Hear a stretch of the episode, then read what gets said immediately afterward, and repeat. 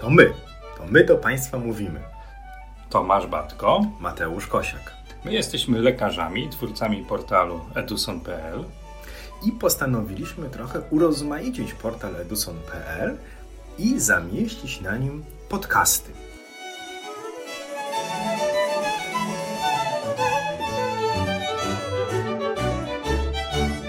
Myślą przewodnią tego cyklu naszych spotkań jest to, abyśmy rozmawiali o tym, w jaki sposób sami sobie badanie ultrasonograficzne komplikujemy.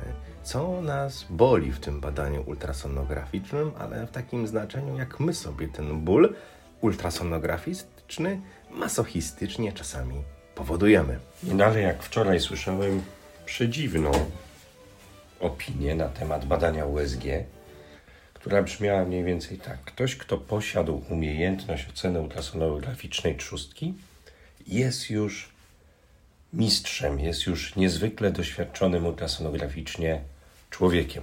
Też byłem na tym spotkaniu i to mniej więcej brzmiało w ten sposób, że ktoś, kto zobaczy trzustkę w USG, potrafi ją znaleźć, może nazywać siebie ultrasonografistą. O losie. No to jest dobra informacja dla wszystkich z nas, również dla Państwa, bo my tą trzustkę przecież już wiemy, jak znaleźć i jak nie utrudniać sobie życia, jak sprawić, żeby ono nas nie bolało, kiedy badamy naszych pacjentów. No właśnie, bo takie opisy trzustki nie uwidoczniono w cieniu gazów jelitowych, trzustki nie uwidoczniono przesłonięta przez gazy. Jakże częste są. My o tym wspominaliśmy zresztą w naszych wcześniejszych podcastach i uważamy, że tak być nie powinno. I uważamy, że kluczem do znalezienia trzustki jest odpowiednia, tu Państwa zaskoczymy, technika badania. A może nie, bo to wcale nie zależy od super drogiego aparatu albo super przygotowanego pacjenta.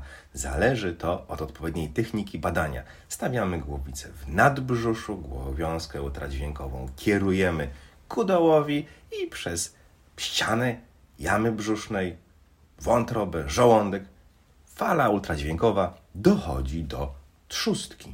A jak jest kłopot z tą trzustką u pacjenta, który jest w pozycji leżącej, wypełniamy pacjentowi żołądek płynem, najlepiej niegazowaną wodą, zmieniamy pozycję pacjenta na stojącą i świat staje się dużo bardziej prosty i kolorowy. To jest pierwsza strona medalu, doskonale już Państwu znana. Ale druga jest związana z tym, że my sobie czasem utrudniamy życie, badając trzustkę, chorą trzustkę u naszych pacjentów, próbując przekroczyć granice możliwości badania USG. Bo jest wiele momentów w naszym badaniu, kiedy my musimy powiedzieć stop. Więcej badaniu ultrasonograficznym na temat tych zmian ogniskowych, tych jednostek chorobowych, które widzimy u pacjenta, nie powiemy. Trzeba wiedzieć, kiedy poszerzyć diagnostykę. Bo czymś innym, podejrzewam, że do tego tutaj zmierzasz, jest zmiana płynowa torbiel w trzustce. Czym innym jest taka zmiana o tych samych cechach ultrasonograficznych w nerce. W nerce u pacjentów po 50 roku życia, no co druga osoba dorosła ma torbiel Natomiast w torbiele w trzustce są o wiele rzadsze i gdzieś tam pojawia się ryzyko, że taka mała torbiel w trzustce, wszak 5-6 mm, jest do zobaczenia, znalezienia w badaniu USG. Możemy ocenić jej unaczynienie, czy ono jest, czy go nie ma w opcji doplerowskiej. To musimy gdzieś pamiętać, że zawsze możemy liczyć się z guzem, który w ultrasonografii widoczny jest jako zmiana płynowa. No i trzeba poszerzyć tę diagnostykę o inne metody po to, żeby zobaczyć, czy nie ma tam komponenty litej.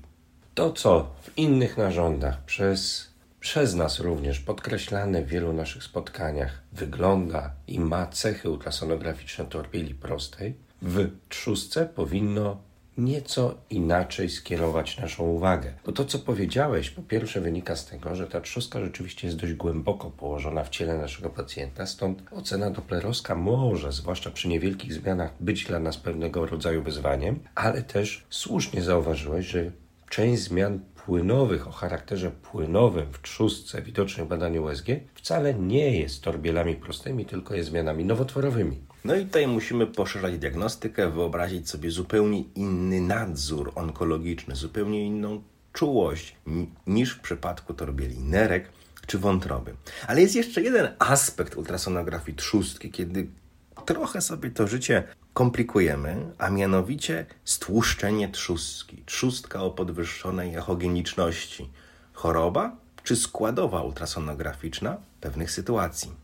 To jest pojęcie, które coraz częściej pojawia się w opisach badań USG. Być może jest pewnego rodzaju moda, być może jest tym ukryta jakaś myśl przewodnia, ale musimy zdać sobie sprawę z tego, że trzustka trzustce nierówna, również jeżeli chodzi o wiek naszych pacjentów. Bo echogeniczność trzustki wraz z wiekiem naszych pacjentów nieco wzrasta. Wpływ na to ma oczywiście styl życia naszych pacjentów i to, jaką mają masę ciała. Natomiast o ile u tych najmłodszych pacjentów, mam na myśli niemowlęta, małe dzieci, hiperechogeniczna trzustka będzie zawsze niepokojącym objawem i może nas prowadzić do rzadkich rozpoznań, jak mukowiscydozek, przewlekłe zapalenie trzustki, jak zespół Szwachmana-Diamonda, to u pacjentów dorosłych hiperechogeniczna trzustka może być elementem ich zdrowia. No bo pojawiła się kiedyś publikacja, w którym powiedziano, że ci, którzy mają hiperechogeniczną, otłuszczoną trzustkę,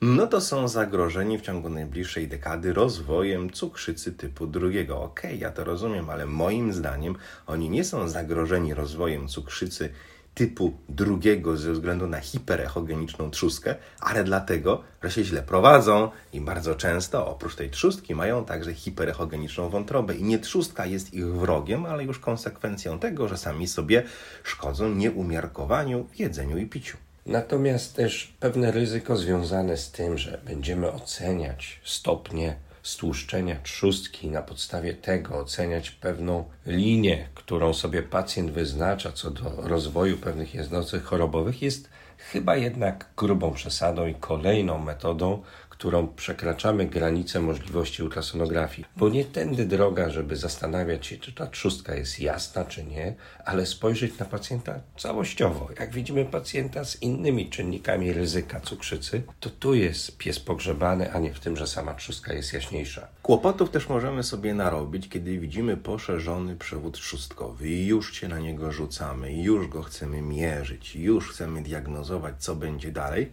Hmm, tylko to nie jest przewód trzustkowy. To jest granica między trzustką a ścianą żołądka.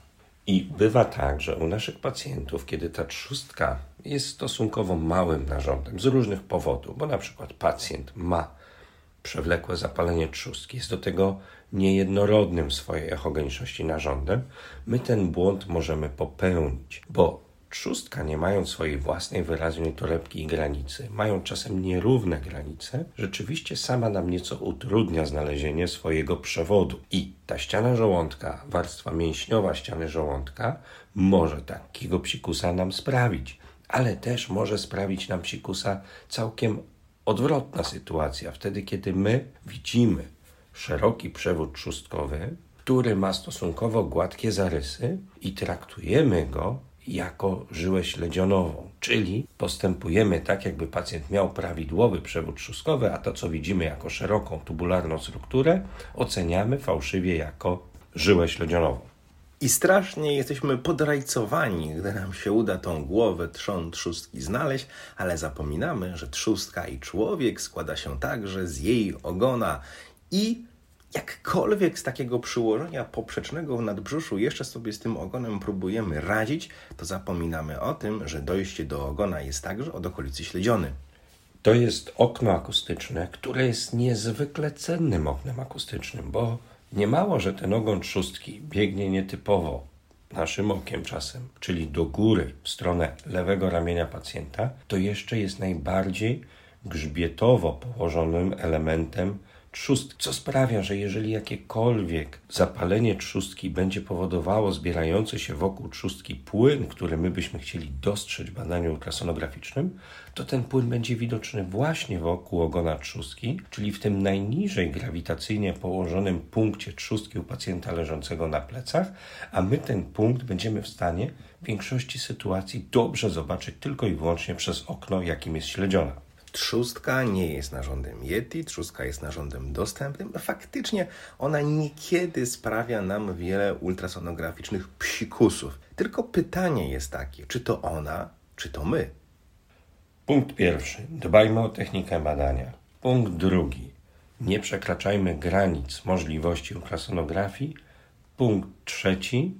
Pamiętajmy o nietypowych oknach akustycznych do oceny trzustki. Punkt czwarty. Zbierajmy wywiad, albowiem czasami dolegliwości bólowe grzbietu wcale nie są dolegliwościami bólowymi grzbietu, a ich przyczyną jest trzustka, która wcale dolegliwości tak zwanych bólowych brzucha dawać nie musi. O tym też musimy pamiętać. Powodzenia, do usłyszenia. Niech trzustka nam łatwą w ultrasonografii będzie.